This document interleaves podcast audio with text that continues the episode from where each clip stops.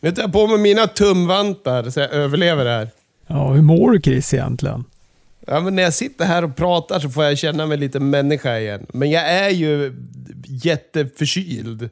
Eller influensig, eller covidig, eller någonting. Feberyrar och håller på. Jag sitter just nu i mitt kök och har på mig både morgonrock, pyjamas. Ja, jag är gubbar på med pyjamas idag när jag är sjuk. Morgonrock, täckjacka, mössa och tumvantar. Jag gillar även att du har morgonrock, pyjamas och morgonrock. ja, men det var för att jag glömde pyjamasen först. Man får glömma saker när man har feberhjärna. Jag känner mig samtidigt lite mm, extra sugen på att spela in det här avsnittet, för det känns som att du kan säga vad som helst Chris, när du befinner dig i det där stadiet.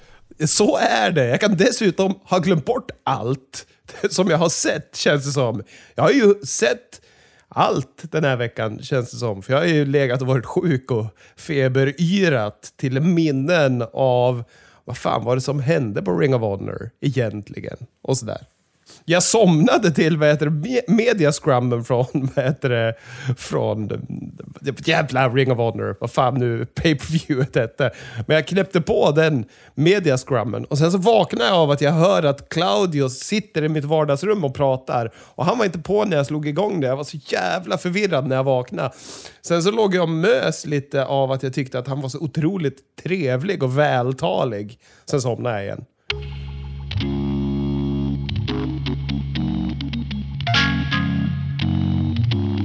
Jag var lite chockad när du Anders frågade ifall jag hade tänkt kolla på uh, New Japan Pro Wrestlings World Tag League slash Super Junior Tag League. Otroligt krångligt namn de har på den här jävla galan. För då satt jag tänkte såhär, har fan Anders sitter och kollar på den nu? För den gick ju ändå någon sorts skälig tid här mitt i veckan eller vad nu det var. Men eh, då, då hade du bara läst dig till då att Carl Anderson fortfarande var Never Openweight Champion. Han vann över Hikuleo i den matchen. Ja, precis. Inte bara att han eh, vann. Eh, det som är mest överraskande för mig är ju att han kommer vara med på Wrestle Kingdom nu. Genom att det har snackats tidigare om att han var på World Tag League-finalen bara för att, han, bara för att WWE inte ville ha honom på Wrestle Kingdom för att där var alla AEW-brottarna och de ville inte ha någon cross promotion där inte. Men eh, eh nu så kommer det vara en riktig eh, trollbrygd Wrestle Kingdom. Alla möjliga promotions. Ja, är det inte också extra speciellt då i och med det här uttalandet han gjorde, Tony Khan också, om Ring of, Ring of Honor TV. Nu gör jag TV med sådana här citationstecken eftersom det då inte blev TV av det hela, utan det blev ju då en ytterligare en streamingtjänst istället av det. Men så, och att han då sa att, för han, han sa väl någonting i stil med att han skulle avslöja mer om den här streamingtjänsten efter New Japan Pro Wrestlings Wrestle Kingdom för att New Japan kommer ha en stor del av Ring of Honor TV. Det är struligt nu. Det är väldigt många promotions uppe i luften. Ja, eh, det känns ju som att eh, det kanske kan vara strong-sidan kanske då som kommer och sen att de eh, har lite andra karaktärer som kommer in också. Men det känns för som att Strong kanske inte har slagit på så sätt som eh, New Japan har önskat. Så det här är väl i alla fall en bättre plattform för dem att ta sig in i USA som de verkligen vill. Men fattar jag det helt fel, men skulle han inte prata om något riktigt tv-deal efter nyår någon gång? Att de bara har det här Honor Club nu som någon så här smygstart, men att det är något annat på gång?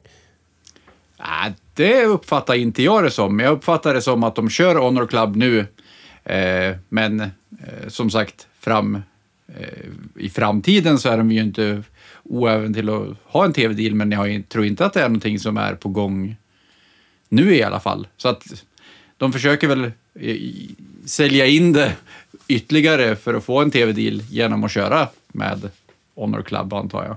Jag var också av den uppfattningen att det är streamingtjänst det blir, Chris. Jag tror inte det blir någon tv. Jag tror att, att det, det här var nog hans sätt att berätta att han har misslyckats med den här tv, att dra hem någon tv-deal med det. Och jag tror att um, Men vadå, okej att det bara är strong, ja det kan ju hända att det är så. Men det gör mig lite ledsen för att vi vet ju alla hur bedrövlig New Japan Pro Wrestlings streamingtjänst-sida är. Så att jag var ju glad att de skulle då kanske baka in eventuellt New Japan World i Ring of Honor, Honor Club istället då. Men eh, alltså kanske det inte blir. Nej, alltså nu... Han har ju, det är ingen som har sagt att det är New Japan Strong. Eh, så det har jag bara tänkt själv att det är ju den USA-brandet som de har haft nu på slutet. Sen har det ju varit, eh, de större namnen har ju varit över i New Japan Strong ibland också. Eh, men jag tror ju inte att, precis som att det kommer säkerligen inte vara toppen av AEW som är i Ring of Honor lika mycket nu, eh, så kommer det nog inte vara toppen av New Japan som är i Ring of Honor heller, utan det kommer väl vara ett eh, development territorium liksom. Jag ska förklara varför jag trodde att de ha, har en tv-deal på gång. Det är för att den som är redaktör på Chris Jerichos Web is Jericho inte kan formulera meningar. Där har de, säger de det ni säger, fast det är så dåligt formulerad mening så att det låter som att det ska vara en vad heter det, television deal announced in January. Det står det rakt ut här, men så är det ju inte. Eh, så att eh, det är bara dåligt redaktörskap. Men det måste väl vara en av Tony Khans största så här uh, letdowns det här. Att han annonserar att vi får Honor Club. Ja, det känns ju verkligen som det. Ja, men jag tänker också för oss som då kan titta relativt omoraliskt på Ring of Honor. Ja, men alltså att vi kan, jag tror att det är ju, nu får vi ju Briscoes. Nu får vi kanske lite ruffigare. Nu blir det kanske lite blodigare än vad det hade kunnat vara ifall det hade gått på TV. Det pratade vi ju om, eh, har vi pratat om tidigare, att att vinner Briscoes tag team-titlarna, då kommer det förmodligen inte finnas någon TV-deal, för det är ingen som vill ha dem, ha dem på TV överhuvudtaget. Och när Jericho förlorade också, så, så som sagt, det pratade vi om lite grann, och Chris var ju inne på att om de har sålt in eh, Ring of Honor med Chris, Chris Jericho så, så bör de kanske ha honom på TV lite grann också. Men så snart som det blev klart att nu blir det ingen tv-deal, då plockar vi bort Chris Jericho och så får vi sälja in det på något annat sätt då. Pay-per-viewet, det var ju bra. Det borde ju vara lätt att kunna sälja in det på, men är det kanske lite mättad marknad på tvn med den wrestling som går nu? Med ändå fem shower i veckan. Sex om vi räknar Impact. Sju om vi räknar New Japan Strong. Ja, men det, nog kan det tänkas att det är så. Det går ju inte heller jättebra för de showerna som, som går på TV, titt, ratingsmässigt. Va? Var det inte Raw som hade haft typ historiskt låga tittarsiffror den här veckan? Bland annat. Och då var de inte ens uppe och konkurrera mot någonting. Monday Night Football är ju alltid, men eh, den här tiden. Så amerikanska fotbollen har de ju att konkurrera med på så sätt, men det var väl inte någon större match. Jag vet inte vilka som möttes nu, men eh, eh, som sagt, de tangerade tidigare veckans läg lägsta siffror någonsin, har jag fått för mig. Eh, fast nu var det första timmen som var den eh, lägsta timmen, så att eh, det var lite omvänt. Det brukar ju alltid vara att de börjar hett och sen så går alla och lägger sig på slutet. Men jag håller med. Väldigt bra gala, den här Ring of Honor-galan. Den var fan toppen. Och jag gillar också att de behåller hela Ring of Warner-konceptet. Alltså det är, det är liksom lite snyggare och lite mer putsat än vad det var tidigare. Men annars är det ju relativt likt. Det, man känner ju verkligen igen Ring of Warner även när man ser det nu under eh, Tony Khans ägarskap. Det är lite som om Sinclair hade lite mer pengar bara och inte så här Kjell Company ljus uppställda. ja, det är, det är sådär skönt eh, mörkt och ruffigt på något sätt. Men höjdpunkterna från den här galan då. Jag tycker Jericho förlorade Ring of Honor världsmästartiteln till Claudio. Det var vi inne och pratade om. På en giant swing för tusan. Han tappade ut till den. Det tyckte jag var kanon. Han blev för yr helt enkelt. Det var väldigt roligt. Det är helt underbart.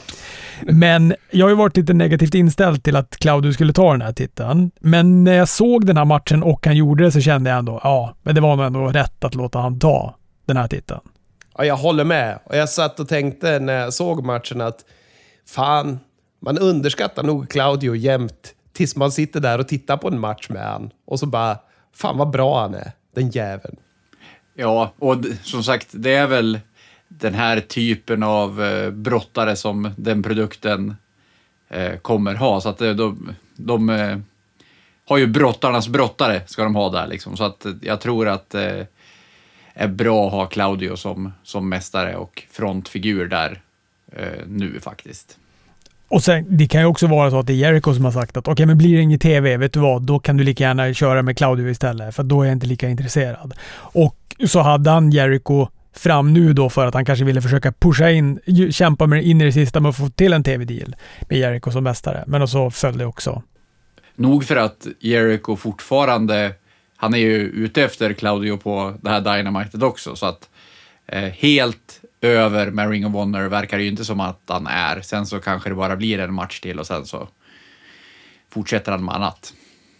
Jag skrattade väldigt mycket i alla fall när publiken högt ropade Ojo istället för åtta i Giant-swingen. Ja, det gjorde jag med. Jätte, jättemycket. Nu har det ju spridit sig till andra matcher också. Det var i MJF-matchen har jag för mig, så körde de också det där. Ocho.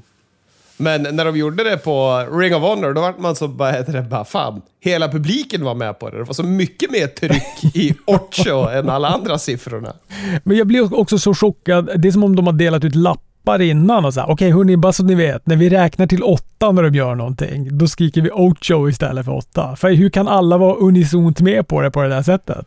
De måste ju ha gjort något sånt där på pre-showen eller någonting och sen har det spridit sig. Haha, det var roligt. Och så gör alla det mer och mer. Till slut är alla supertaggade. Kommer det sprida sig till WWE också tror jag? Man kan hoppas. De är ju, vad heter det, i Chicago nästa vecka va? Då undrar man om det kommer vara en massa CM Punk chants. Det har ju inte hörts på någon av produkterna sedan Brawl Out. Ja, nej, de kanske inte, inte nu längre kommer de nog, fast i och för sig, nu börjar ju WWE-fansen börja tråna efter CM Punk såklart, men, men eh, inte riktigt än. Men apropå WWE-fansen, det får man ju tänka på den gamla chairmanen, mannen Vince McMahon, som sägs ska vilja vara på väg tillbaka in i företaget. Och att han hade fått dåliga, eh, dåliga, vad fan heter det? Det här som man får av folk.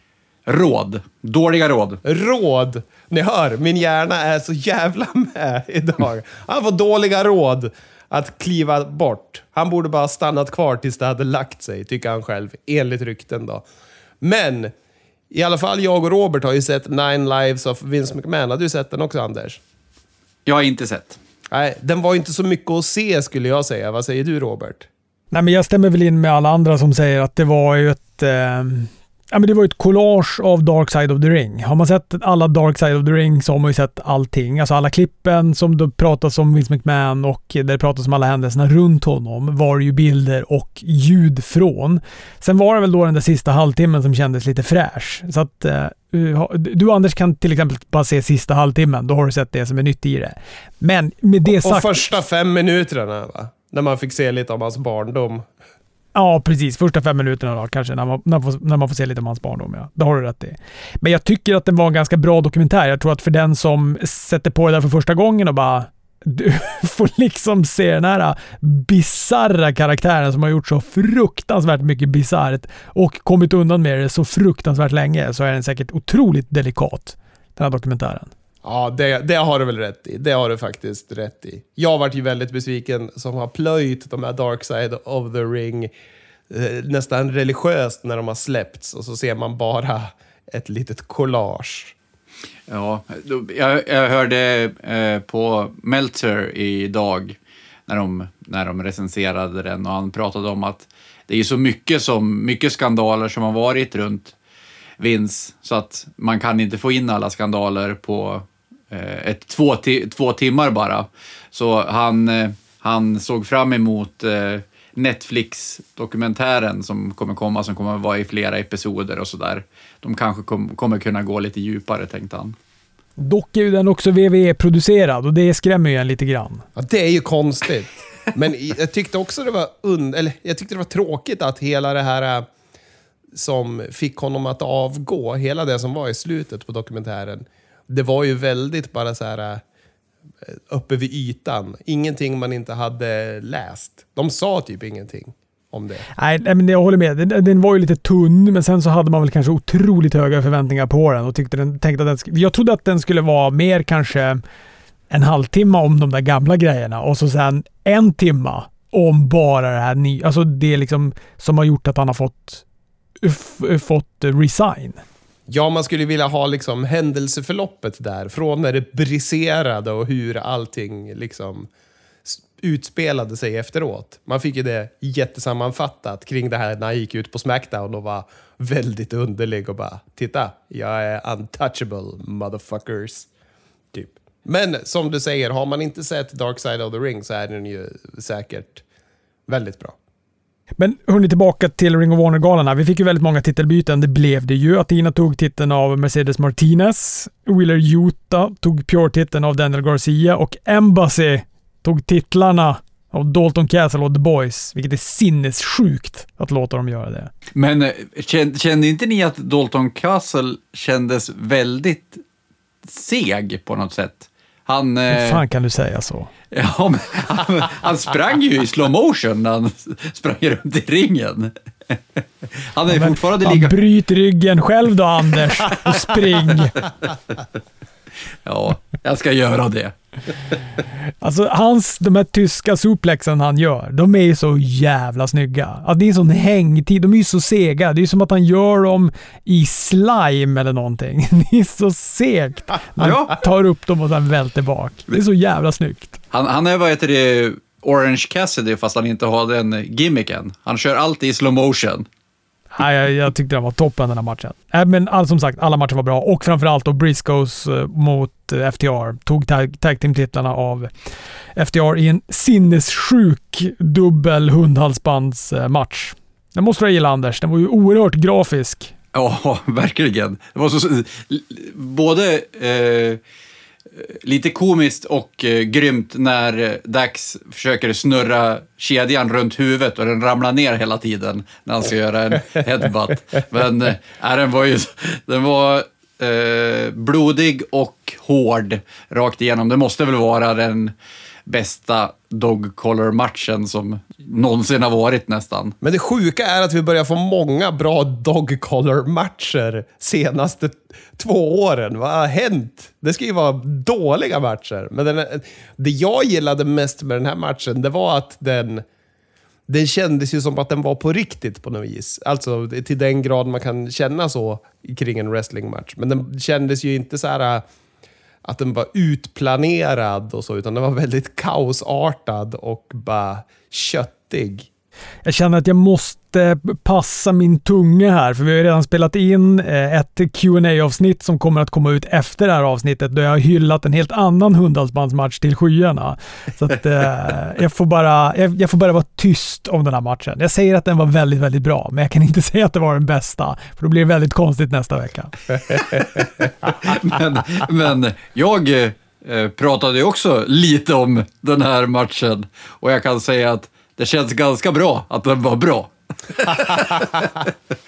Hörrni, jag gillade också att Keith Lee vann matchen själv. Trots att Swerve lämnade han mitt i matchen så tar han ut Shane Taylor och JD Griffin på egen hand och vinner den matchen. Var inte det riktigt snyggt gjort? Men den här JD Griffey, han var en märklig karaktär. Han var typ en UFC-fighter. Han såg ut som han var kusin till Ernest the Cat Miller, tyckte jag. Ja, han var väl en, en lite modern variant av Ernest Cat Miller kanske. Ja, det kändes så. Genom, han var ju karate, eh, Ernest, så den här han var MMA istället. Ja. Nej, det var bra att Keith Lee tog ut de där två. Han ni kolla någonting på NXT Deadline-galan också? Anders gjorde ju det på den här kaosmatchen. Berätta för min kaoshjärna om kaosmatchen. Ja, men jag tyckte att eh, det var överraskande bra, båda de här eh, Iron Survivor-matcherna.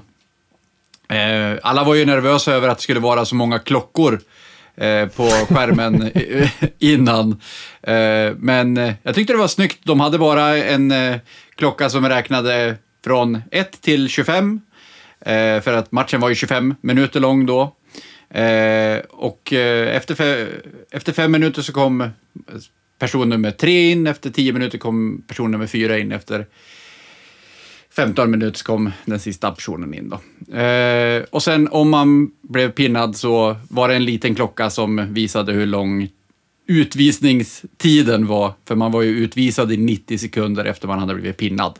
Skulle man ha mest pinfalls också, eller vadå? Ja, det var det det gick ut på. Eh, mest poäng i slutet då. Så att det är kast att komma in sist i matchen. Ja, man har mindre tid på sig att få eh, allt då, då men eh, som sagt, de gjorde det ganska snyggt ändå. Eh, då har man ju mycket energi också för att ta ut de trötta. Men eh, jag tyckte att de var snyggt balanserade båda, båda två matcherna. Eh, I herrarnas match så var det lite röjigare och det var mer poäng. Eh, men eh, min favorit var damernas eh, match faktiskt. Ja, men jag håller med dig Anders. Jag tycker också damernas var snäppet vassare. Och jag blev likt du positivt överraskad. Du skrev ju det, för jag såg ju den här efter du hade skrivit den. Att, eller efter, efter att du hade tittat på den. Men att det, är, att det också är lite kul med ett nytt koncept som funkar. Ja, eh, och som sagt nu så eh, har vi ju bara sett två stycken av den här typen av match, men det blir ju lite som så här mobil eh, tittandes varianten, den här nya generationen som har ett eh, eh, koncentrationsspann på fem, fem sekunder. Eh, då kan man titta på en Ironman-match som är 25 minuter med en massa klockor som går och eh, det kommer nya personer hela tiden. En 60 minuters Ironman-match, det är lite mycket, men en Iron Survivor-match känns eh, som att det här är den nya tidens eh, eh, sån variant av match. Jag tyckte den var bra. Jag tyckte, tyckte om alla matcherna på deadline här, eller mer eller mindre förstås. Men eh, jag kan dock inte förstå hur de kunde låta New Day plocka tag team-titlarna av Pretty Deadly. Matchen var fantastisk och Pretty Deadly, fan, det är det bästa och mest nyspännande i alla fall som WWE, WWE har just nu tycker jag. Jag fasen vad bra den var och jag hoppas verkligen att vi kan få ut lite main roster exponering för Pretty Deadly av det här. Annars så går det mig över mitt förstånd att de låter New Day ta tag team-titlarna. Ja, och det känns väl lite som att när de skickar ner ett team som är så rutinerat som New Day för att möta mästarna så är det ju lite grann för att prova dem också för main roster. Både, eh, alltså båda de här i Pretty Deadly, de har ju storleken och de är ju väldigt karismatiska eh, och de är ju brottningsskickliga också liksom. Eh, så eh, jag tror att inom året så kommer vi ha dem uppe på main roster. Eh, inte inom det här året, inom nästa år då. Inom ett år om vi säger så. Annars var det jäklar anamma snabbt. Jag vill bara säga så här att då kommer de ju kliva upp och försvinna ut i tomma intet som alla andra tag teams som kliver upp på main roster. Det finns ju ingen tag team-division. Vad ska de upp dit och göra? De kan ju rensa bort lite tag teams där ändå. Det finns ganska många tag teams som är lite menlösa också. Typ Hit the Row. Till exempel. Det var väldigt kul i den här matchen, Chris. De gjorde alla en sån här uh, Eddie Guerrero-pastisch. Alltså alla fyra i matchen. Du vet att de fejkar att de har blivit slagna med bältet och så kastar de sig i backen. Fast de bara humpar bara bältet till varandra. Alla fyra gick... samtidigt? Nej, men det gick så här till...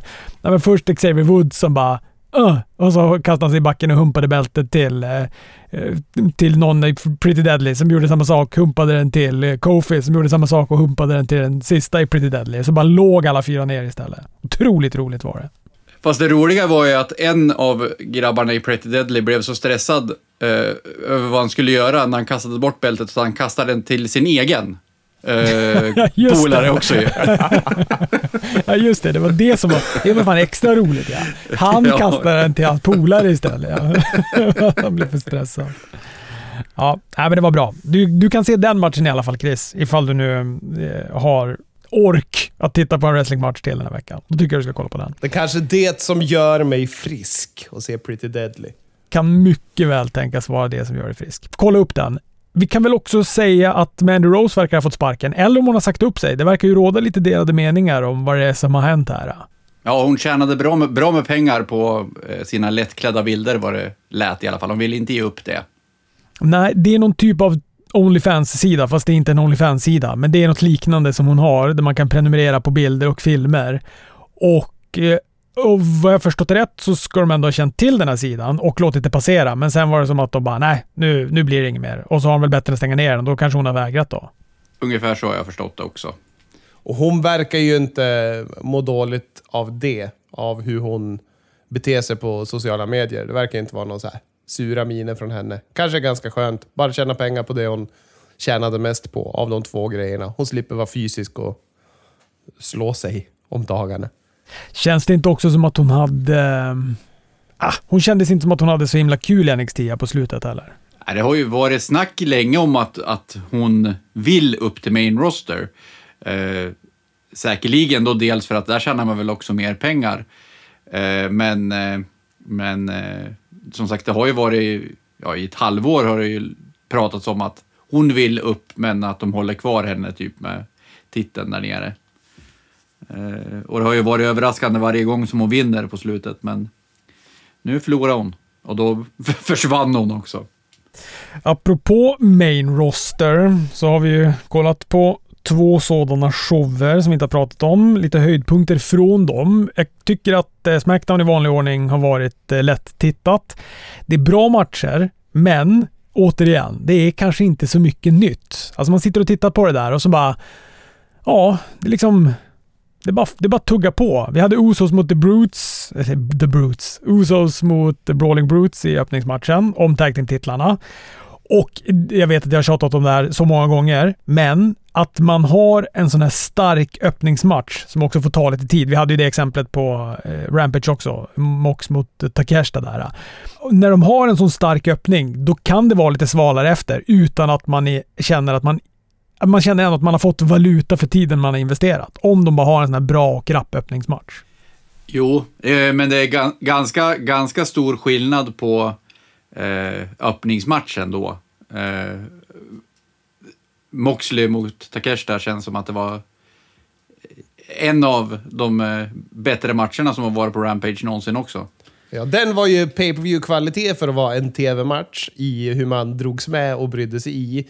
Den här Brawling Brutes mot eh, Bloodline, den var mer en väldigt lång tv-match, tycker jag. Men jag är ju på ett gnälligt humör den här veckan. Men jag tittade på, på, på timestampen bara, fan 17 minuter in, den är inte slut än. Kan någon bara pinna någon? Ja, men det är också tror jag för att man vet att Usos kommer ju inte förlora den här matchen. Man vet ju att de kommer att vinna. Så på så sätt så tappar jag all spänning också. Nu vet man ju för sig också att Mox kommer vinna över Takeshita. Men jag, jag ska inte hålla på. Det, det, jag ger mig. Jag, det finns ingen jämförelse mellan kvaliteterna på de här två matcherna. Utan jag menar bara själva grejen att du har en riktigt bra startmatch. Då kan det vara lite blekare efter och så känner man att det är förlåtet. Men Absolut. Just bara grejen att jag tycker att det tuggar på. För att det upplägget, absolut, det är bra, men det tuggar på. Och eh, New Day Imperium tuggar på. Vi hade Ricochet och Gunter skulle ha en sån här kontraktskrivning. Mynnade ut i en six-man tag team match mellan New Day och Ricochet mot Imperium. Inget fel på matchen här alls. Här måste vi stanna. Vi måste stanna här. Fy fan vad jag tycker att Imperium framstår som face i den här fejden jämfört med vad Ricochet och New Day gör. De är så otroligt så här dryg amerikaner i hur de hånar och är pubertala mot de här ordentliga och vad heter det, snälla De här snälla grabbarna. ja. Kan de sluta vara elaka mot de här snälla tyskarna och italienarna eller vad fan han är. Ja, men jag håller med dig. Alltså, de framstår ju som så killar med keps längst bak i bussen. De är otroligt ocharmiga i det här segmentet nu. Ja! Mobbare är de. Högstadiemobbare. Exakt så. Har inte WWE det problemet rakt igenom med sina faces?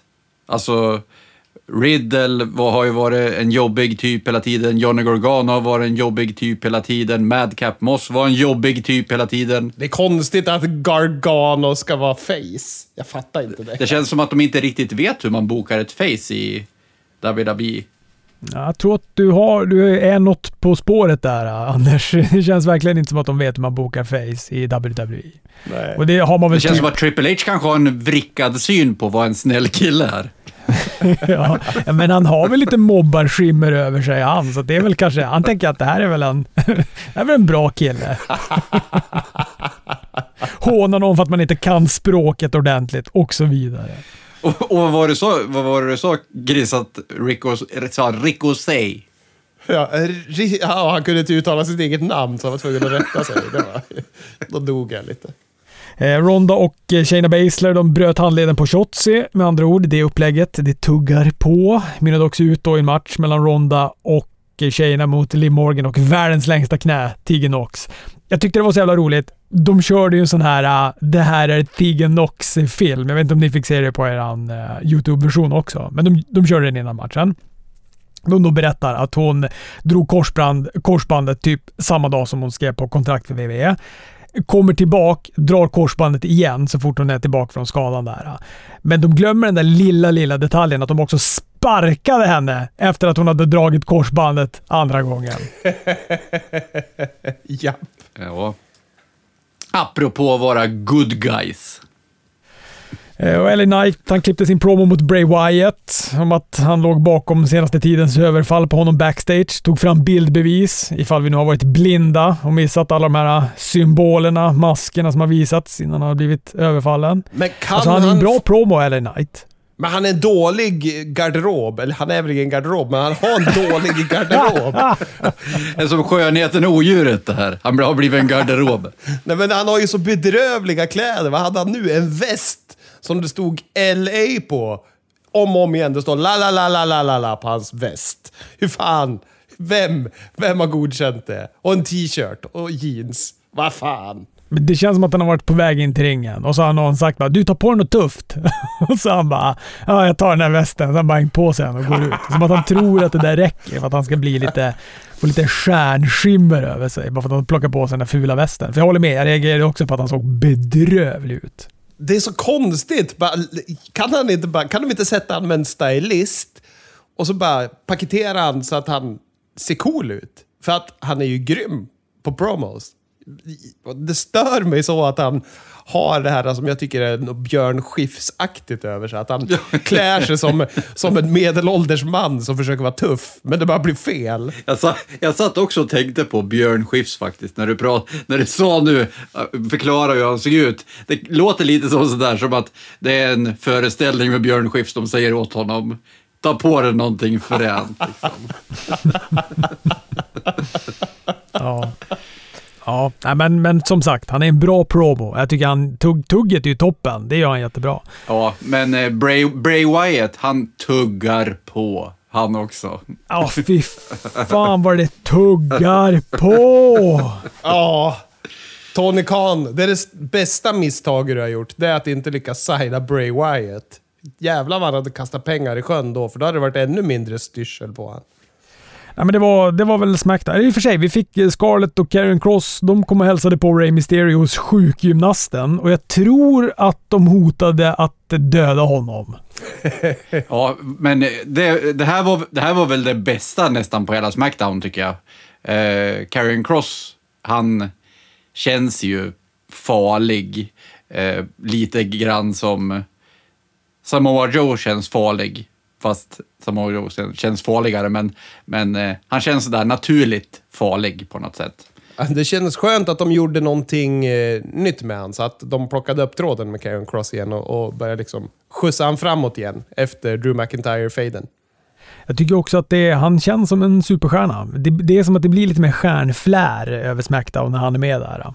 Verkligen, verkligen. De måste bara se till att han får eh, beta av Ray Mysterio på ett snyggt och bra sätt och sen kasta honom vidare i någon ny fade sen. Bygga honom starkt. Han tappar ju mycket av att han inte gick vinnande ur Drew. Men jag håller med dig Anders, det här var nog det bästa på Smackdown. Det i stark konkurrens av när eh, Jason Jordan gav ett sånt där grattis pappakort till Kurt Angle när de höll på att fira honom backstage. är den dummaste, är den dummaste angeln som de någonsin har gjort. När Jason Jordan skulle vara Kurt Angles son. Det är så dumt. Det är så otroligt dumt. Men och sen så nu att de hade med Gable Stevenson, eller Stevenson eller vad han heter. Eh, det känns ju inte som att han är så bekväm framför kameran. Eh, de eh, satsade ju mycket på honom när han vann OS och det skulle liksom vara den nya Kurt Angle. Eh, men eh, han eh, känns som att han har långt kvar till att få samma karisma som sin bror till och med. Damon Kemp, eller vad heter han? Ja, precis. Han kändes ju naturligen. Ja, och så jag vet inte. Jag tyckte, jag tyckte hela den där uh, slutgrejen med Kurt Angle. Ja, han kommer in och han ska spruta mjölk på Alpha Academy. Ja, det är liksom lika självklart som om jag ser att Robert Gustafsson dyker upp på TV4 så vet jag, okej, okay, snart kommer han börja hosta. Och så börjar han hosta. Det är liksom samma sak. Direkt man ser att Kurt Angle dyker upp på VVE, då vet man, ja, då kommer han börja med någon mjölkgrej också. Precis. Det här är inte vecka för vecka som du tuggar på med Kurt Angle och hans mjölk, men det här har ju pågått i tio år när han kommer tillbaka och han vad heter det, tar med sig den här mjölken. Men apropå att tugga och komma tillbaka, det kommer ju vara 30-årsjubileum för Raw snart. Och jag läste att Tatanka kommer vara där, Robert. Det måste väl du tycka är härligt? Va? Lever han ens? Han hade twittrat ut till the Tatanka Nation att han skulle vara där. vem, vem, vem var det du riktade den där frågan till? Inte mig hoppas jag. Det är väl Anders då i sådana fall som har någon form av Va? vurm för Tatanka, eller? Nej men du har ju haft Tatanka-färg i håret, har ju du berättat om. Ja, men jag var jätteliten och skulle gå på disco, Chris. Och, och behövde då färga håret med karamellfärg för att jag tyckte väl att Tatanka hade en liten frän frisyr. Ja, men jag var liten när jag började älska Martin Genetti och det sitter fortfarande kvar. Skulle han dyka upp på 30-årsjubileumet av Raw så skulle jag fan stå och dansa i köket nu, trots feber. Sett han live någon gång? Var inte han, med, var inte han i Malmö eller något sånt där för inte så länge sedan? Eller inte så länge sedan. 10-20 år sedan. Varför var Tatanka i Malmö? Kan Tatanka sluta vara i Malmö, tycker jag. Du rabblar ju upp också det här som att jag och Anders ska ha stenkoll på vilka wrestlare du har sett i vilka svenska städer jättelångt ifrån Norrland vi befinner oss. Tatanka har aldrig varit norr om Dalälven kan jag säga. Ja, jag låter det vara osagt. Någon i något kommentatorsfält någonstans får gärna uppdatera mig på ifall jag har sett Tatanka i Malmö eller inte. På Raw blev Alexa Bliss första utmanare till Bianca Belair. Hon vann över Bailey i en eh, bra match. I slutet så kramade hon Bianca. Grattis till vinsten kram. De är ändå två stycken facebrottare. Men i kramen blinkade det till. Bray Wyatt-symbolen dök upp på storskärmen och då satte hon Belair i en Sister Abigail-position och fick allvarlig blick i typ fyra nanosekunder. Sen kom hon ur den där transen och satte tillbaka Belair som mest såg chockad ut. Det här är ju konstigt att i hela Bray Wyatts återkomst så är det Alexa Bliss och LA Knight som gör bra saker. Men Bray Wyatt, han gör inget bra. Nej. Men eh, jag tycker bara att den här matchen var bra rent brottningsmässigt. Jag är ju inte jättesugen på att hon ska bli den där jävla Bray Wyatt-karaktären igen, Alexa Bliss. Inte om den är likadan, men däremot så är jag sugen på att jag tycker att hon gjorde den där spotten, tyckte jag hon gjorde väldigt bra. Hon fick blicken väldigt intensiv och bra. Jag är eh, försiktigt optimistisk till att det kan bli någonting bra. Men jag är orolig för att det ska bli lika kast som det var förut.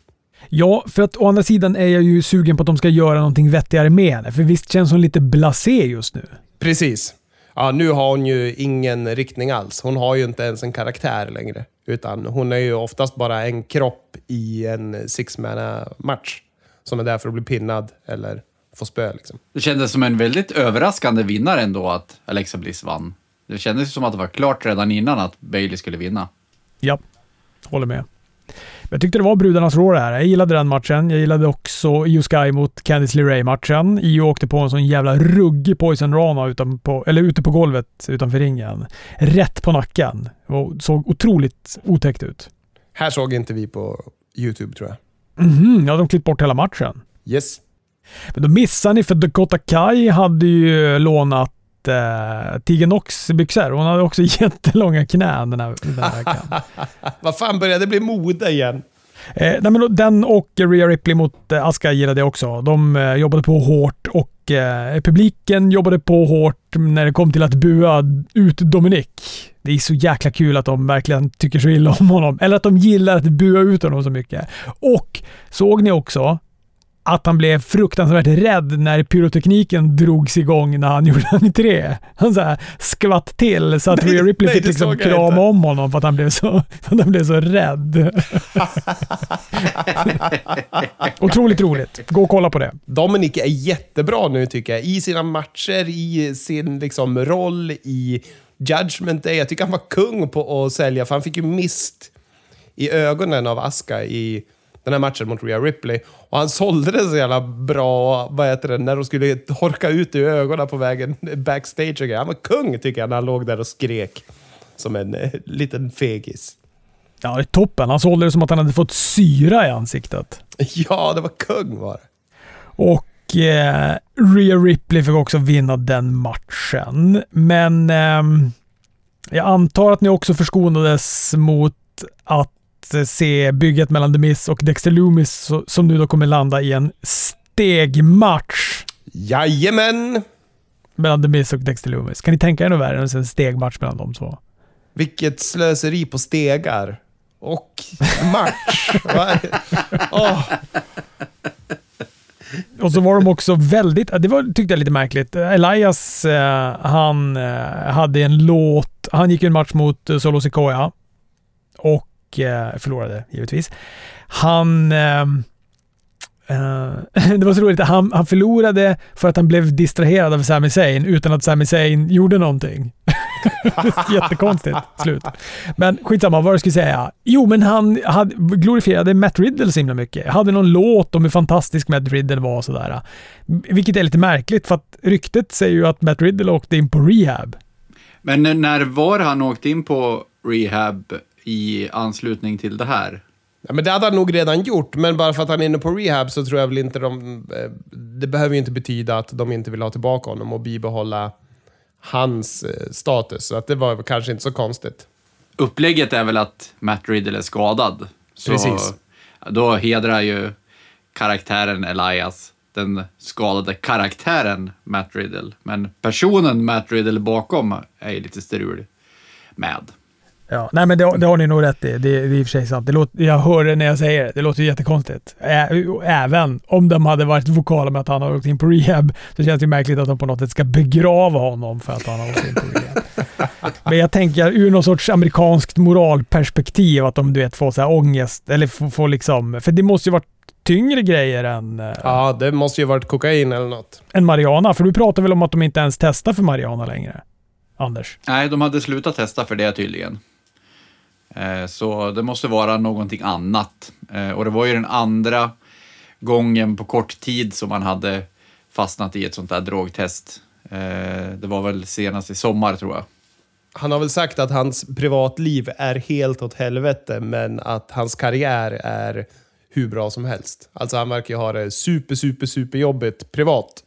Ja, men man tycker ju att WWE som har så mycket pengar då kanske borde kunna hjälpa till med lite stöd till en sån person. Det är ju det de gör nu, men de borde ju kunna ha gjort det sedan innan också känns det som.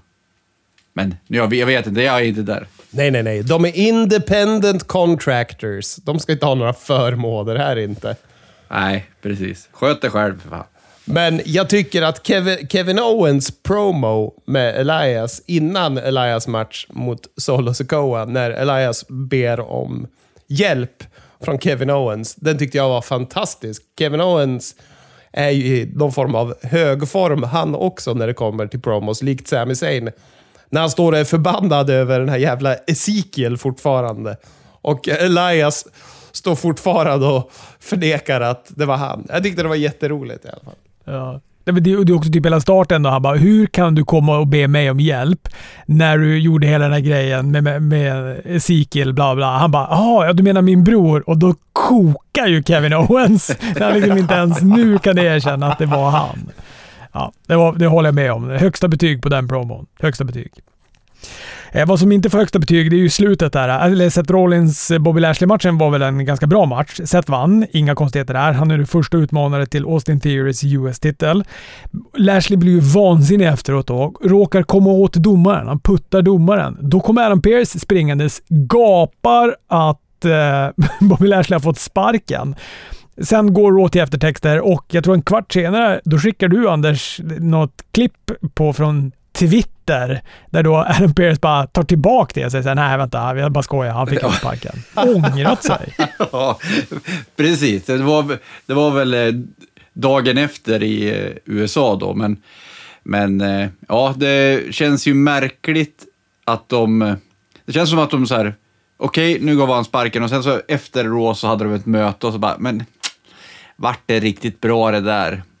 Nu måste vi komma på något sätt för att backa, backa tiden liksom.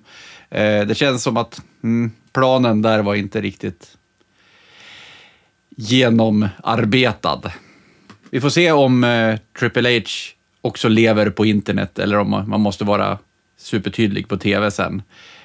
Tony Khan, han skulle ju också kunna vara sådär så att han visar upp det på internet och då utgår han ifrån att alla har sett det här. Så nu kör vi bara på ifrån att alla har sett det. Ja, å andra sidan kanske man eh, får tänka, för jag menar, det fanns ju flera gånger som man tänker att Vince McMahon borde ha gjort något liknande, men då sket ju han bara i det istället. Och så hade, hade det varit Vince McMahons tid, då hade bara Bobby Lashley kommit in första matchen nästa vecka och det hade varit som om ingenting hade hänt. Så att, jag vet inte vad som är bäst. Vad som däremot är bäst, Takeshita mot Moxley på Rambo. Äh, herregud, vilka radioövergångar jag gör. Det är nästan som om jag jobbar med det va. Ja, men den här matchen var ju fan sinnessjukt bra. Och Eh, jag älskade också att eh, publiken älskade Takeshita så pass till en milda grad att de var beredda på att vända på Moxley. Alltså när Moxley knö knölar in Takeshita i den här eh, bulldoggen i slutet, då börjar publiken bua och ropa “Don't give up” till Takeshita. Var inte helt fantastiskt? Jajamän! Det var underbart. Det var även underbart när han sparkar ut på ett på en jävla Death Rider också.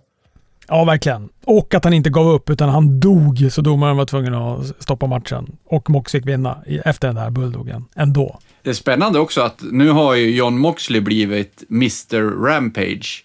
När de har sagt att ja, nu ska vi satsa på Rampage, då är det John Moxley som, eh, som MVP han är för AW tar det skottet och så nu ska han göra Rampage till en kungshow. För att även nu på Rampage så kommer han ju vara med Eh, nu möter han Sammy Guevara den här veckan, men, eh, men eh, som sagt att John Moxley på Rampage, eh, det är ju, har ju inte varit så vanligt med så stora namn där. Så det är spännande att, att de verkligen satsar på det nu. Ja, för jag menar... Känns det, bra. Känns skönt. Det här rampaget var ju ett jättebra rampage. Men som någon skrev att de hade också kunnat ha testbild efter den här matchen och det hade fortfarande varit det bästa, det bästa rampaget under hela det här året. Men ja. kommer han och eh, Sammy Guevara, alltså jag tror nog att eh, jag kommer kräva lite mer av Rampage än bara en Moxley-match vecka till vecka för att jag ska tycka att det ska lyfta så pass mycket som jag tycker att Tony Khan behöver lyfta Rampage. Absolut, absolut. Eh, men vi får ju om vi tittar tillbaka på det här Rampage som var tidigare här nu då, så hade de ju även debuten av Trent Seven. Så det tycker jag ju var kungligt att han kommer också. Att det, det, det är roligt när Rampage har lite betydelse i alla fall. Ja, jävlar vilken brottare han hostade upp påsen där. ja. Precis, men det är lite märkligt att han ska alliera sig med honom, Trent Seven, som är... Han är ju ändå känns som en face-karaktär. Vi får väl se hur mycket Trent Seven kommer vara med, för det frågar de ju om på den här media scrummen och det var väl inte sådär äh, supertydligt. Nej, men han satt ju Jag även i publik. att han skulle bli All Elite. Ja, han satt ju i publiken på, på Ring of Honor. Det var därför de frågade kring det och då var väl typ Tony Khans svar att Ja, han kanske kan gå några matcher på Ring of Honor, lät det som, tyckte jag. Jag, ty jag tyckte att det lät som att du sa, jag satt ju i publiken på Ring of Honor. Nu tänkte jag, nu har han feberyra igen. ja, men jag blev fruktansvärt positivt eh, överraskad av att se Trent Seven. Jag hade liksom glömt bort Trent Seven helt och hållet. Ja, nej men det var roligt var det. Det var ett roligt Rampage. Det brukar gå undan. Nu gick det undan med ett leende på läpparna. Ja, verkligen. För den matchen var ju toppen. Orange Cassidy mot eh, Trent Seven då. Orange Cassidy vann givetvis. Det visste vi att han skulle göra.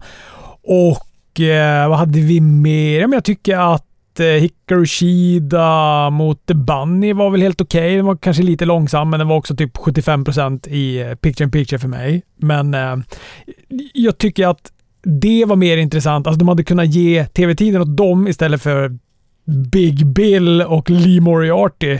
De mosar två jobbers. Vad fan är Big Bill för namn? Men jag tycker den matchen var bra, den här squashmatchen. Jag tyckte att Lee och Big Bill var väldigt underhållande som tag team faktiskt. Jag var superpositivt överraskad till den parningen.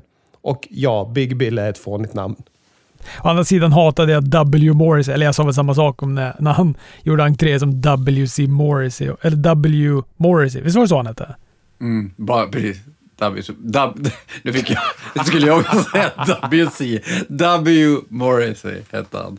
Men även, som sagt, man är ju van att han heter Big Cass, men även Big Cass är ju inte... Jag vet inte, när man heter någonting med Big, det känns inte riktigt som att genomtänkt. Men gillade ni inte den här parningen, tag-teamet? Jag tyckte de hade bra kemi tillsammans. Jag, ty jag tycker att de funkar bra och de eh, var även bra på Dynamite när de kom in och det var ju ett kungsegment, men det kommer vi komma till sen. Men när de kommer in och spöar Jack Perry. Men det, är ju, det känns som att Lee Moriarty för en gångs skull kändes meningsfull när han var i, tillsammans med Big Bill. Ja, Fan, men... börjar jag bli van vid att säga Big Bill. Vad konstigt det känns. Ja, men det, eh, det, kan jag hålla med om Chris. Att det kändes som att Lee Moriarty i alla fall hamnade för en gångs skull i något lite bättre sammanhang. Och ehm, eh, jag gillade väl också det de gjorde när de kom in där mot eh, Jack Perry. Eller framförallt så gillar jag ju att Hook kommer in. och jag älskade ju publiken på det här Dynamitet. Det var, de var ju, det var kanske den bästa wrestlingpubliken på hela året. På alla shower som har varit under hela året. Ska vi hoppa till Dynamite direkt då? Jag höll nästan på att börja sjunga Carry On My Wayward Son, men jag inser ju hur min hals låter just nu, så jag tänker inte göra det. Men det börjar ju med den. Ja, och det är konstigt, konstigt tycker jag, när, eh, de, när de här två triorna möter varandra. Nu har man sett det några gånger, men eh, alltså, det här var nästan den, dammatchen var sämre, men jag tycker att det här var en av de sämre matcherna på Dynamite. Eh, jag var inte så intresserad av den här matchen längre. Va? Fan, jag tycker, alltså, jag tycker verkligen att det här Dynamitet var typ ett av de bästa Dynamiten Dynamitesen någonsin. Ja, men det är ju det, det, det, det, det är lite det jag är inne på. För alltså, det var så många bra matcher, men just den här triosmatchen eh, var jag minst intresserad av eh, den här veckan. För att det var så många andra saker som var så bra. De stal inte showen, det kan jag ju hålla med om. Men det var, det var en bra match för vad det var. Men eh, det känns ju som att de bara bygger mot den avgörande matchen, tyvärr.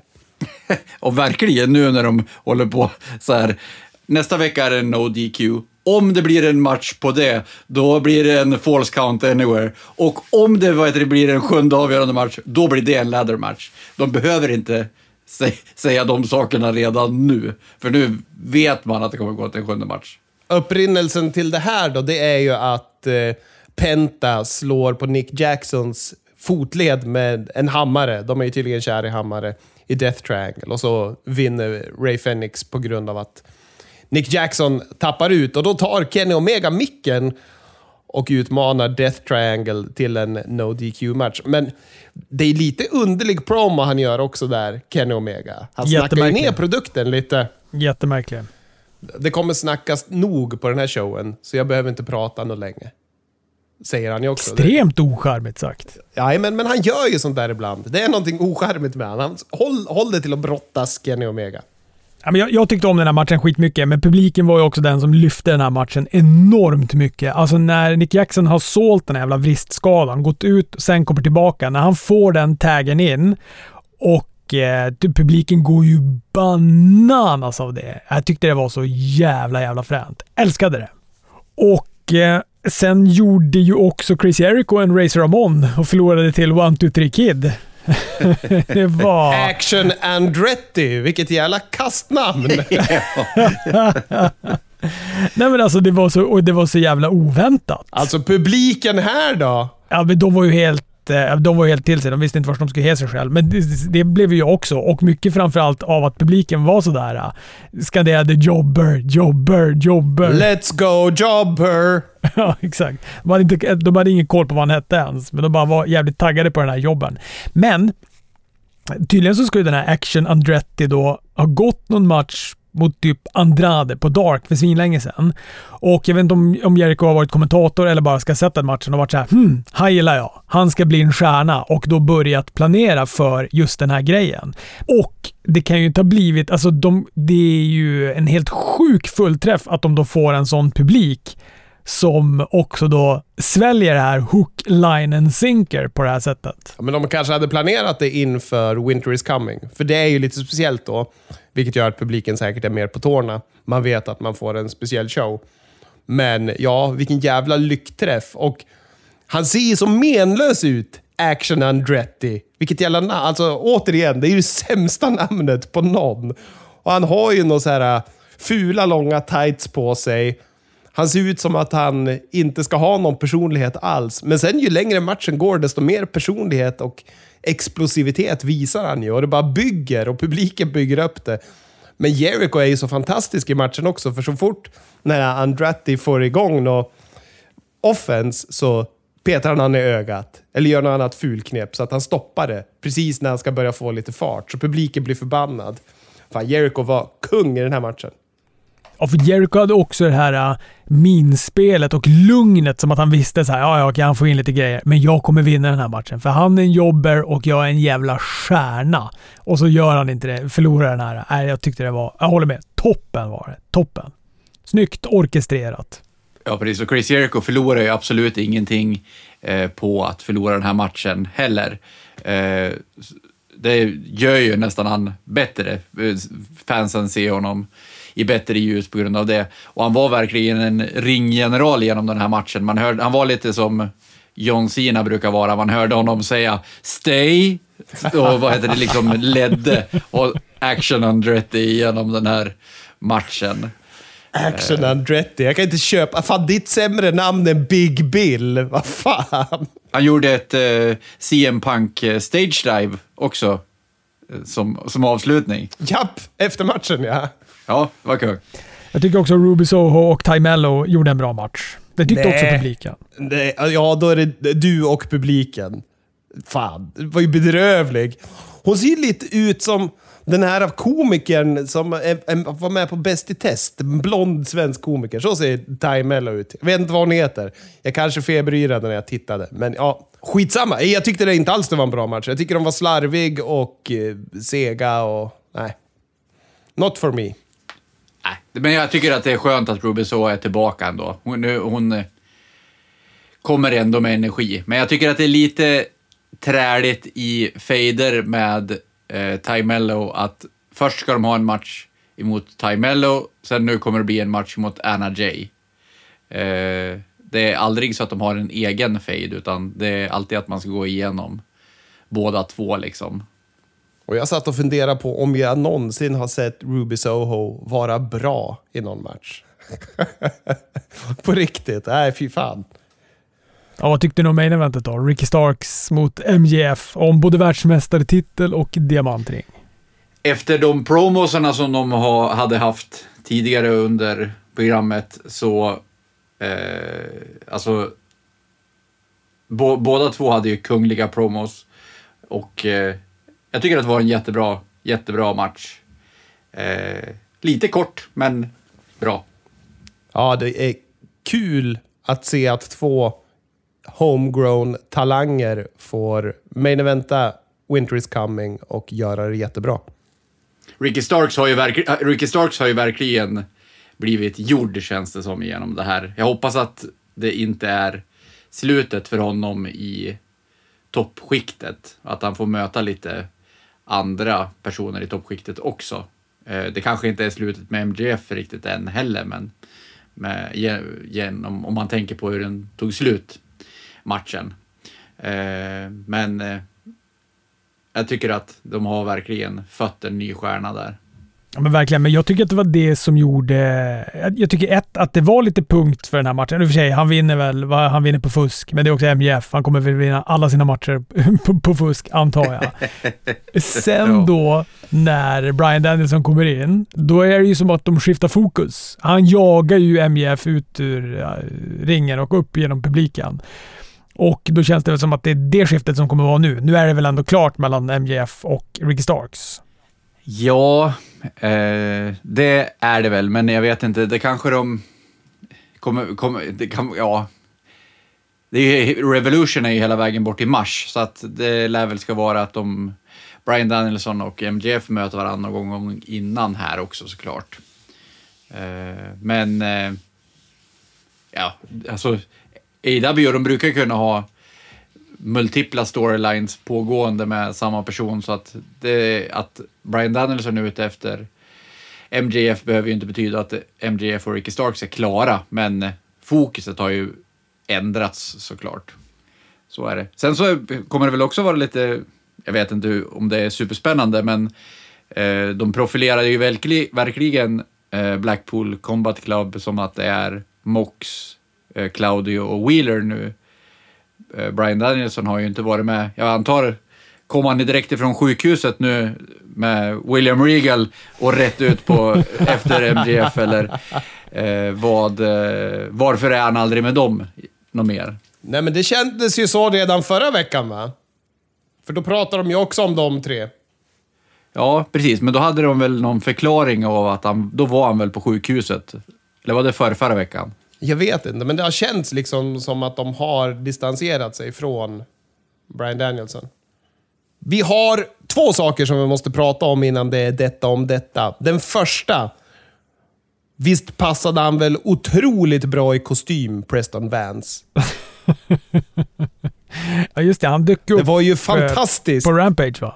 Nej, på Ring of Honor! Äh, Ring of Honor var det. Just det. Han hängde ju för fan med Embassy-gänget. Nej. Nej, han hängde ju med... Han är ju med Rouge. Jag lägger ner nu. Fan, Han är med det. Rouge och vad heter det? Och eh, det var lite, det, hela den matchen var ju lite märklig. Eh, för A.R. Fox och Blake Christian vann Ja, vart ju det emot- något fel där? Publiken ropar ju “You fucked up”, men det kändes inte som det när de pinnade ändå. Jo, men han kickade ju ut. P- Precis. Och sen så var det ju tydligen en massa unprotected share shots emot huvudet efter matchen där också. Och Jaha, eh, oj då. enligt eh, Jo- José de Assistant så var de ju avstängda den här veckan. Sen så kan det ju vara att de har någonting annat för sig såklart. Hur som helst, Preston Vance i kostym. Två tummar upp. Fantastiskt att slippa ha han i masken. Han klädde väldigt väl i den där oxröda kostymen, eller vad fan det var för, för färg. Verkligen. Den framhävde verkligen hans vackra, vackra ansikte. Ja, han var fastmålad på kroppen hans, den där kostymen. Ja, så var det också. Andra grejen vi måste prata om, det är Hangman Adam Page promo. Den tyckte jag var kanon den här veckan. När han berättade att han inte kunde komma ihåg namnet på sin son. Han, när han hade fått hjärnskakningen på vägen till sjukhuset så började han komma ihåg saker. Men när han skulle låsa upp telefonen och de frågade vad hans son hette så kunde han inte komma ihåg det. Jag tyckte det var en väldigt stark och bra promo.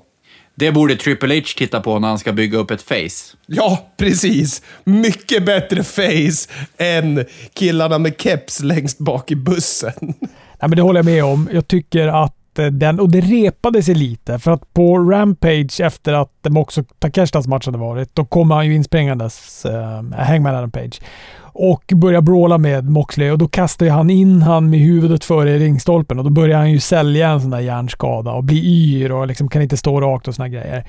Det tyckte jag var lite osmakligt. Men den här promon tyckte jag var toppen som han gjorde. Så jag håller verkligen med dig. Det var ett lite så här promonas Dynamite. För även Swerve hade ju en kung-promo. Han är ju bäst. Fan vad Swerve är fantastisk. Man har ju varit lite eh, orolig över AW eh, fram till förra veckan. Då kändes det som att då vaknade de upp igen. Nu har det varit bara pangshow på pangshow på pangshow. Så nu är man hög på AW igen. Hörrni, detta om detta. Vi hörs.